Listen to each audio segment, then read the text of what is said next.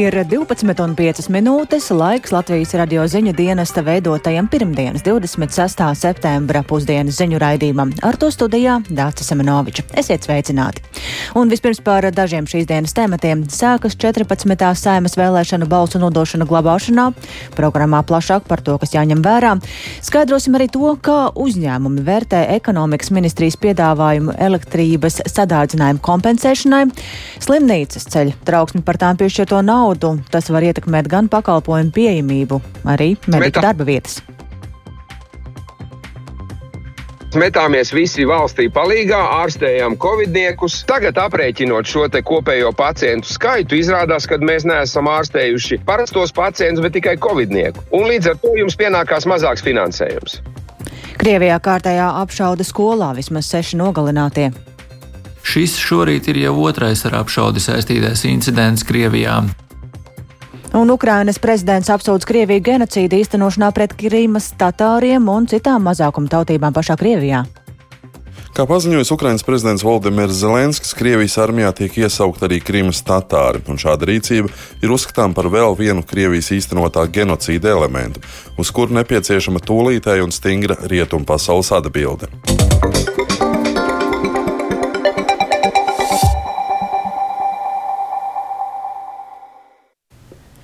14. saimas vēlēšanas notiks jau šajā sestdienā, un jau līdz tam daļā iecirkņu šonadēļ būs iespēja arī iepriekš nobalsot.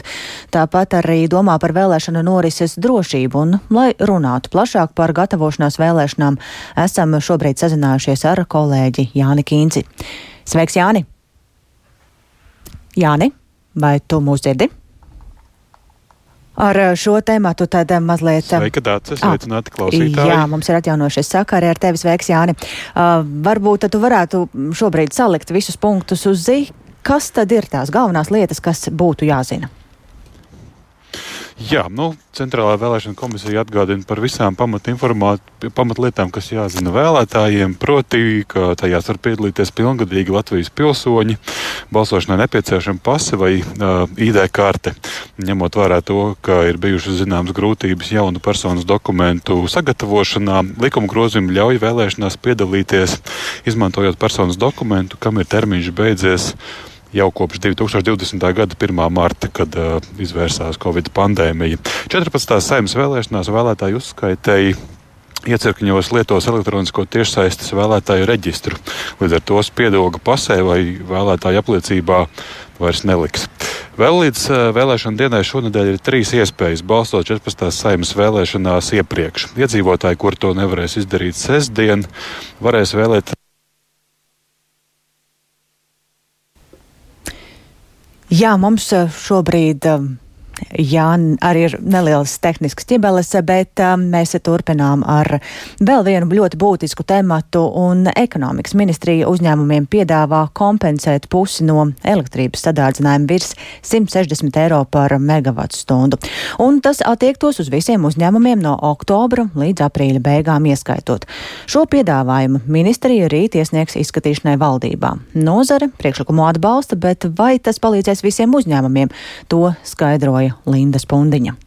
Elektroenerģijas izmaksu pieaugums uzņēmumiem ir tik liels, ka bez valsts atbalsta izmaksu sekšanai vairāk uzņēmumu būs spiesti savu darbību pārtraukt, norāda Latvijas Tirzniecības Rūpniecības kamera un Latvijas darba devēja konfederācija. Ekonomikas ministrija tautsēmniecības padomas ārkārtas sēdē visiem uzņēmumiem piedāvāja līdzfinansēt elektrības cenu sadārdzinājumu, turpina ekonomikas ministra Ilza Indriksona no Nacionālās apvienības esam piedāvājuši risinājumu, ka tas būtu virs noteikta līmeņa, kas šobrīd ir 160 eiro par megavatstundu, tiek līdzfinansēti 50% no tā tarifa kāpuma, kas nu kuram ir virs šī līmeņa. Nu, tas nozīmē neatkarīgi no elektroenerģijas tirgotāja, no kura tiek pirkta elektroenerģija, uzņēmums saņems jau faktiski rēķinā šo te valsts atbalsta aprēķinu, un uh, tas tiks kompensēts caur elektroenerģijas tirgotājiem. Atbalsts paredzēts no 1. oktobra līdz aprīļa beigām ieskaitot, taču tam vēl nepieciešams valdības atbalsts, ko Indriksons cer sagaidīt rīt. Latvijas darba devēja konfederācijas ģenerāldirektora Līga Mendelsona šo uzskata par labu un sabalansētu risinājumu. Tas, kas ir vēl jautājums atvērts, ir um, jautājums par ļoti, ļoti lielajiem energoietilpīgiem uzņēmumiem, kuri mums nav daudz. Kur ir ļoti lieli arī darba devēji un no kuriem arī programma, kas ir tieši paredzēta energointensīvajiem, kas ir jau pieņemta valdībā, diemžēl tā pilnībā visu problēmas loku nerisina. Meņģelsona stāsta, ka šobrīd uzņēmumi ir izdarījuši visu iespējamo, lai ražotu pēc iespējas lētāk.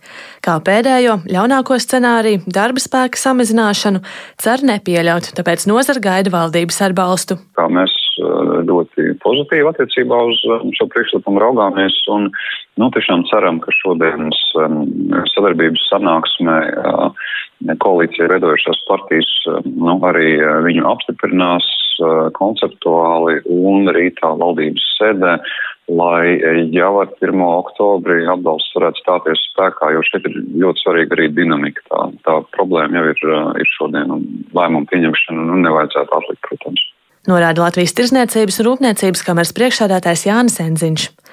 Lai sniegtu papildu atbalstu maisaimniecībām, ministrija piedāvā diferencēt centralizētās siltumapgādes atbalstu. No tās daļas, kas pārsniedz 150 eiro par megawatu stundu, kompensē 90%. Vēl ministrija vēlas noteikt vienotu dabasgāzes cenas slieksni maisaimniecībām - 107,34 eiro par megawatu stundu, un valsts kompensētu tirgotājiem to summu, kas pārsniedz slieksni bet trešais atbalsta pasākums būs elektroenerģijas cenas pieauguma kompensēšana mājsaimniecībām. Noteikti visām mājsaimniecībām pirmās 100 kWh par fiksētu tarifu, kas nepārsniedz 180 eiro par megawattstundu, un valsts kompensēs atlikušo starpību ar reālo cenu. Linda Spundiņa, Latvijas radio. Streika likums aizliedz pēdējā brīdī pieteikt jaunus dalībniekus, taču slimnīcu darbinieku neapmierinātība pieaug pēc nedēļas nogalē ziņotā, ka slimnīcām negodīgā un nepietiekamā apmērā aprēķināts finansējums, tā teica slimnīcu biedrībām. Aizvadītajā periodā slimnīcas daudz ārstēja Covid pacientus, taču šos pacientus neieskaitīja aprēķinot otrā pusgada finansējumu ārstniecības iestādēm, un līdz ar to apstākļos, kad jau tā strauji kāpja energoresursu cenas, slimnīcām jāiztiek ar 20 miljonu eiro eiro iztrūkumu, vairāk skaidro Kristaps Feldmanis. 2022. gada otrajam pusgadam slimnīcām piešķirtais finansējums ir nepietiekams, īpaši apstākļos, kad strauji kāpušas energoresursu cenas. Latvijas slimnīcu biedrības vadītājs Jevģēnijas Kalējs, skaidrojot radušos situāciju, norāda, slimnīcu finansējumu otrajam pusgadam balsta tajā, cik pacientu aprūpēts iepriekšējā posmā. Proti pirmajā pusgadā, taču šajā skaitā nav ņemti vērā Covid pacienti. Līdz ar to radusies situācija, ka aizvadītajā periodā slimnīcas atsaucoties atbildēt atbildīgās veselības ministrijas aicinājumam darbus pārorientējušas, ārstējušas covid slimniekus, kuri aizņēmuši gultas, kurās citkārt atradušies pacienti ar citām slimībām, bet aprēķinot finansējumu, tā teikt uz papīra, pacientu skaits lielākajā daļā slimnīcu, līdz ar to arī finansējums ir krietni zemāks. Sakarā ar Covid mēs metāmies visi valstī palīgā, ārstējām covidniekus, pārtaisījām visas nodaļas - ķirurģiju, terapiju, kardioloģiju, traumatoloģiju. Jūs taču atceraties, slēdza pat uh, otrās slimnīcas pakalpojums, visu otro slimnīcu uztaisīja uz divām nedēļām par Covid slimnīcu. Un līdz ar to mēs neārstējām parastos pacientus, jo tas bija aizliegts ar likumu. Un tagad aprēķinot šo te kopējo pacientu skaitu, izrādās, ka mēs neesam ārstējuši parastos pacientus, bet tikai covidnieku. Un līdz ar to jums jums pienākās mazāks finansējums. Kalais skaidro, slimnīcas pildot likumu ārstēja Covid pacientus, bet šobrīd par to tiek sodītas. Citās slimnīcās iztrūkums esot mazāks, piemēram, Jūrmalā un Ogrē, bet citviet ļoti iespaidīgs. Piemēram, no kopumā 20 iztrūkstošajiem miljoniem apmēram 9 ir tieši Austrum slimnīcai neizmaksātā nauda. Galu galā šāda, kalēja prāt, negodīga rīcība atsauksies uz pacientiem, jo naudas visiem pakalpojumiem var nepietikt. Tāpat cietīs arī mediķi. No šī finansējuma, kas ir atņemts, jāmaksā jau ir algas darbiniekiem. Līdz ar to, ka vai nu mums ir jālaiž brīvsolī atvaļinājumos bez algas, vai jāatbrīvo darbinieki, jo mums tas apjoms ir diezgan būtiski samazinājies. Kalais ir pārliecināts, ka šādi lēmumi mediķu streika priekšvakarā tikai vairo neapmierinātību ārstniecības personāla vidū. Tiesa gan streika likums aizliedz tik īsi pirms tā sākuma pieteikties jauniem streikotājiem, bet dusmas krājas. Latvijas veselības un sociālās Sociālās aprūpas darbinieku arotbiedrības vadītājs Valdis Kēris atgādina, mediķu brīdinājuma streiks notiks 27. un 28. augustā. Tajā dalību pieteikuši 316 medicīnas darbinieki, savukārt 27. septembra piketā pie valdības nama Kēris paredz varētu būt ap 500 dalībnieku. To jutīs arī iedzīvotāji, turpina Kēris. Par neatliekamās palīdzības kavēšanos runa nevar būt, bet ja ir jādodās saņemt plānveidu pakalpojumus uz ārstniecības iestādi, tad eh, droši vien pirms tam būtu labi pazvanīt uz ārstniecības iestādi un pavaicāt, vai nav kaut kādas izmaiņas. Kēris skaidro, atbalstu mediķu streikam paudušas gan Eiropas, gan Latvijas mēroga arotbiedrības un nevalstiskās organizācijas. Jāatgādina, ka mediķu streika galvenā prasība ir visām ārstniecības personu kvalifikācijas kategorijām arī šī gada otrajā pusgadā solidāri palielināt darba samaksu par 10%. Kristaps Feldmanis, Latvijas radio. Jāpiebilst gan arī tas, ka Latvijas radio lūdza arī veselības ministrijas komentāru par radušo situāciju saistībā ar otrā pusgada finansējumu slimnīcām, taču līdz šim atbildi vēl neesam saņēmuši.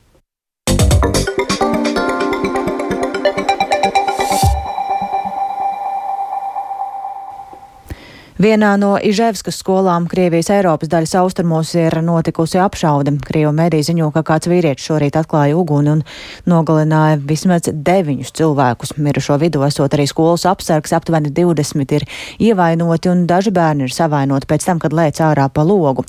Tiek vēstīts, ka apšaude sarīkojas pieaudzis vīrietis, kas tērpies melnās drēbēs. Uzbrucējs nošāvēs. Turpina Rihards Plūme. Šis šorīt ir jau otrais ar apšaudi saistītais incidents Krievijā. Īsi pirms ziņām par Iževskā notiekošo kļuva zināms, ka Irkutskas apgabalā Hustlīmskā Krievijas dienvidu austrumos kāds vīrietis kara komisariātā atklājis uguni un sašāvis kara komisāru. Notikušo apstiprinājis Irkutskas apgabala gubernators Igors Kobzevs, kurš informējis, ka sašautais kara komisārs atrodas reanimācijas nodaļā smagā stāvoklī. Portāls Bāza ziņo, ka šāvējs ir aizturēts. Kopš mobilizācijas uzsākšanas Krievijā valstī ir pametuši vairāk nekā 260 tūkstoši mobilizācijas vecuma vīriešu. Par to ir ziņojuši avoti Krievijas vadībā.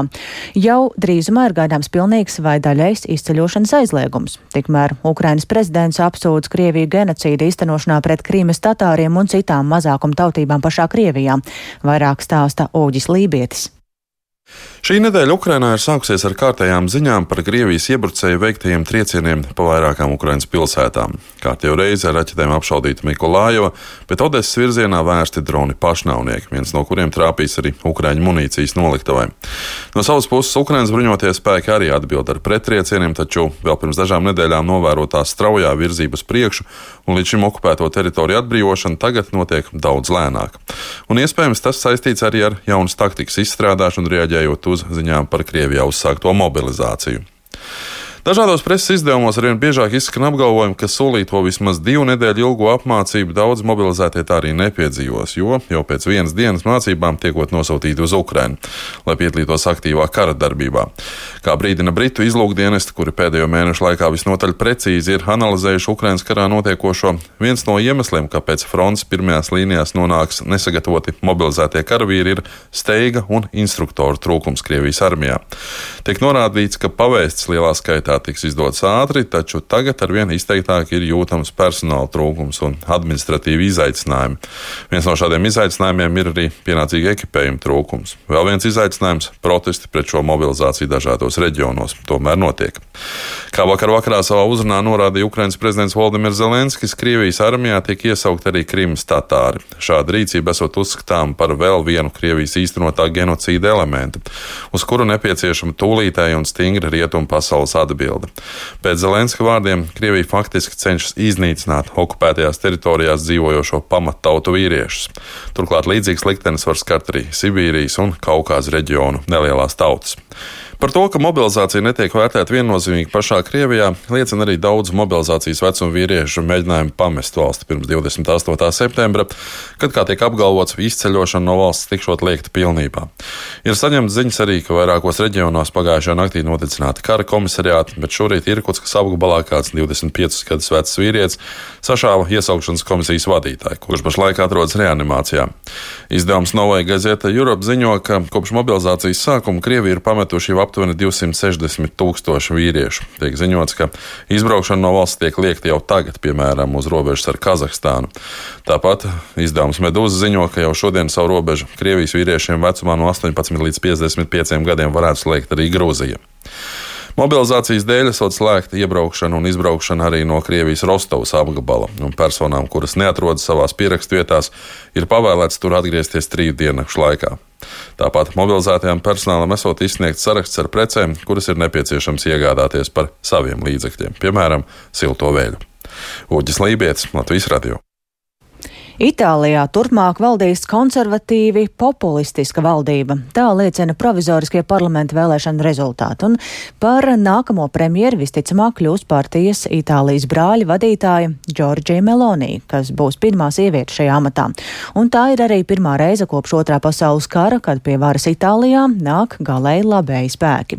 Lai noskaidrotu jaunāko šobrīd, tiešādē esam sazinājušies ar mūsu korespondentu Ārķomu Konohovu. Labdien, Ārķom! Jā, labdien! Saka, kādēļ Meloni ir guvusi Itālijas vēlētāju atbalstu? Jāsaka, ka vēlēšana rezultāti liek domāt, ka daudz itāļi vēlas redzēt pārmaiņas savā valstī. Viņi nav apmierināti ar to, kādā stāvoklī pašlaik atrodas valsts, un tamdēļ gandrīz katru reizi meklē kādu jaunu politisko, varētu teikt, laimes lāca vai kādu jaunu politisko varoni, kas varētu nākt un pamēģināt spēkus.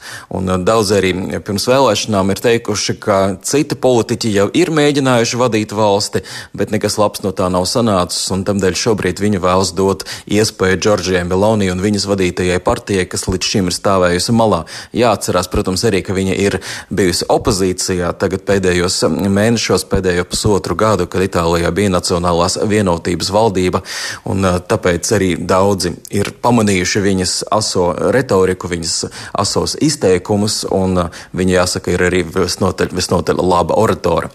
Un par to, ka Itālijas vēlētāji tiešām katru reizi meklē jaunu politisku politisko varoni liecina arī tas, ka Mateo Salvini vadītā partija Līga ir saņēmusi aptuveni uz pusi mazāk balsu nekā pirms četriem gadiem. Arī piecu zvaigžņu kustības panākumi ir krietni pieticīgāki nekā iepriekšējās vēlēšanās, un jāatgādina, ka tie bija divi spēki, kas izveidoja jaunu valdību pirms četriem gadiem. Un, ko tas nozīmē, kā labējo spēku nākšana pie varas varētu ietekmēt Itālijas attiecības ar pārējām Eiropas Savienības valstīm? Visticamāk, ka Melonija labi apzinās, ka arī viņas mūžs, politiskais mūžs varētu būt īs, e, un tamdēļ viņa ir gatava iet uz pragmatiskiem, ļoti praktiskiem soļiem, un tostarp arī attiecībās ar Briseli. Viņa ir gatava mazināt savu līdzšinējo retoriku par um, kaut kādu konfrontāciju ar Briseli un mēģināt uh, tomēr rīkoties salīdzinoši, salīdzinoši pragmatiski. Atgādināsim, ka viņa ir atbalstījusi līdz šim arī Ukrainu un ieroču nosūtījumu nosūtīšanu uz šo valsti atšķirībā no partijām, kas ir uh, kopā ar viņu vienotā blokā un kas varētu būt arī vienotajā koalīcijā. Tur tās nostājas ir neskaidrākas. Uh, tam pat arī uh, skaidrs, ka Melonija ir izteikusies, ka šobrīd ir jāpieņem ļoti sarežģīti, ļoti atbildīgi lēmumi, jo Itālija un visa Eiropas Savienība atrodas ļoti smagā situācijā, runājot par enerģētikas krīzi. Tāpēc varētu sagaidīt, ka viņas pirmie soļi vismaz būs diezgan piesardzīgi un viņa nemēģinās kaut kādā veidā tā ļoti būtiski destabilizēt situāciju. Bet tomēr, ja, izdos, ja neizdosies vienoties ar Briselu par vienu vai otru jautājumu, viņai vienmēr ir iespēja atgriezties pie savas populistiskās retorikas. Jā, paldies. Mēs sazinājāmies ar kolēģi Arčomu Konohovu un atgādināšu, ka tad Itālijā turpmāk valdīs konservatīvi populistiska valdība. Tā liecina provizoriskie parlamenta vēlēšana rezultāti.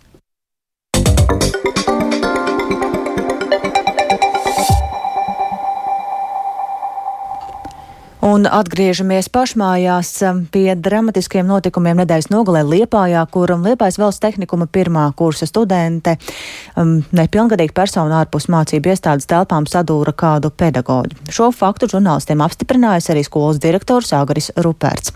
Cietusī nogādāta slimnīcā, bet zināms, ka sievietes veselībai briesmas nedraud un visu apstākļu noskaidrošanai valsts policijā par notikušo ir sākts krimināla process. Situāciju komentē valsts policijas Kurzemes reģiona pārvaldības pārvaldes liepājas iecirkņa priekšnieks Ingus Augstiņš. Sestdienas rītā, neilgi pēc pusdienas desmitiem, Lietpājā Brīču Brīvzemnieku ielā ir noticis uzbrukums personai, kādā privātā mākslas salonā ir jaunieta uzbrukusi salona īpašniecei, sadurot viņu. tādā veidā nodarot miesas bojājumus. Šobrīd policijā ir uzsākts krimināla process pēc krimināla likuma 128. panta pirmās daļas. Tas ir pat tīšu vieglu miesas bojājumu nodarīšana un notiek pirmstais izmeklēšana. Izmeklēšanas ietvaros skaidrojam visus apstākļus, motīvus. Krimināla process ir uzsākts par tīšu vidēju smagu miesas bojājumu nodarīšanu, bet cietušai personai ir nozīmēta tiesas medicīnas ekspertīze. Kā rezultātā mēs precizēsim un noskaidrosim šo miesas bojājumu smagumu pakāpi izmeklēšanas ietvaros. Aizdomās turamā persona šobrīd ir aizturēta un ar viņu tiek veikts procesuālās darbības. Un karstā un sausā vasara atkal ir bijusi labvēlīga egļu astoņu, astoņu zobu izgraužu izplatībai. Pētījumi liecina, ka šobrīd kurzemē īpaši piekrastē, kur vairāk ir priežu auģu, egļu izgraužu izplatība ir mazāka. Tomēr arī kurzemē šovasar daudz vietu kukaiņi savairojušies un nebūtu vēl nav devušies ziemas miegā, tāpēc turpina aktīvi darboties eglēs, aiz sevis atstājot nokautušu egļu audzes vairāk Ingozola. Vienā no skrundas apkārtnes mežiem uzskatāmi redzami egļu astoņzobumu izgrauža šī gada posta darbi. Kurzemē atrast kārtējo izgraužu dzīves vietu ir visai viegls uzdevums. Atliek iebraukt egļu mežā, un tur jau tas būs. O, o, o, reku viens agresīvi mūk. Oj, oj, oj. Nesen veiktās kailcirtas malā jau pa gabalu labi redzamas nokautušās egles un bez skujām atkailinātās galotnes ar čiekuriem. Latvijas valsts meža dienesta saldus mežniecības mežzinis Harijs Aigars stāsta par novērojumiem. Par izgraužiem pārāk liela izplatība nav šogad, bet uh, ir parādījušies pavasarī tajās vietās, kur blakus kailcirtēm izcirsts, kā šeit redzams. Viet vietām ir. Ko šādā situācijā var darīt? Nu, šeit jau darīt vairs neko nevar. Jāiestigo ir nu, un jāizvāc tās invadētās bojātās eglis ārā. Patreiz jau ir tā, ka tie kukaiņi būs ielīduši zemē pārziemot, un viņi pavasarī nāks ārā, un tad būs lielākas problēmas. Valsts meža dienesta vecākais eksperts Oskars Zaļkalns stāsta, kas ietekmē izgraužu izplatību. Tas ir daudz dabas faktoru kopums ņemot. Svaigas skujkoka kailcets var uh, nedaudz stimulēt, bet nevienmēr. Vairāk ietekmē egļu veselības stāvoklis, mitruma deficīts, eh, sēņu bojājumi. Tie ir tie pamatā, kas un arī vējš.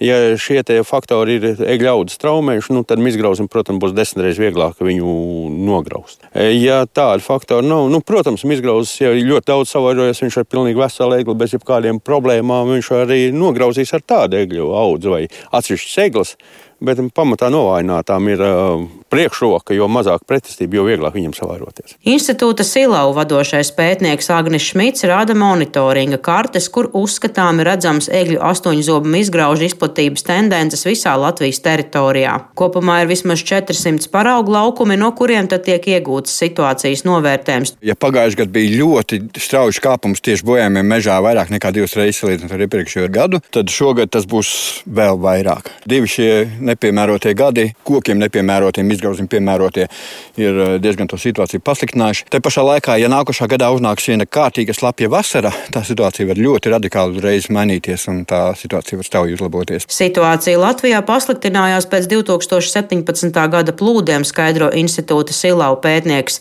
Viss sākās ar vidzemi, kur arī šobrīd postījumi ir vairāk. Latvijā es uzskatu, ka mēs esam iemācījušies ar šo kukaiņu sadzīvot. Izgauze būs visur vienmēr, bet salīdzinot ar vidzemi, e, vidzemes daļu austrumu pusi, tad e, šeit ir leiputrija.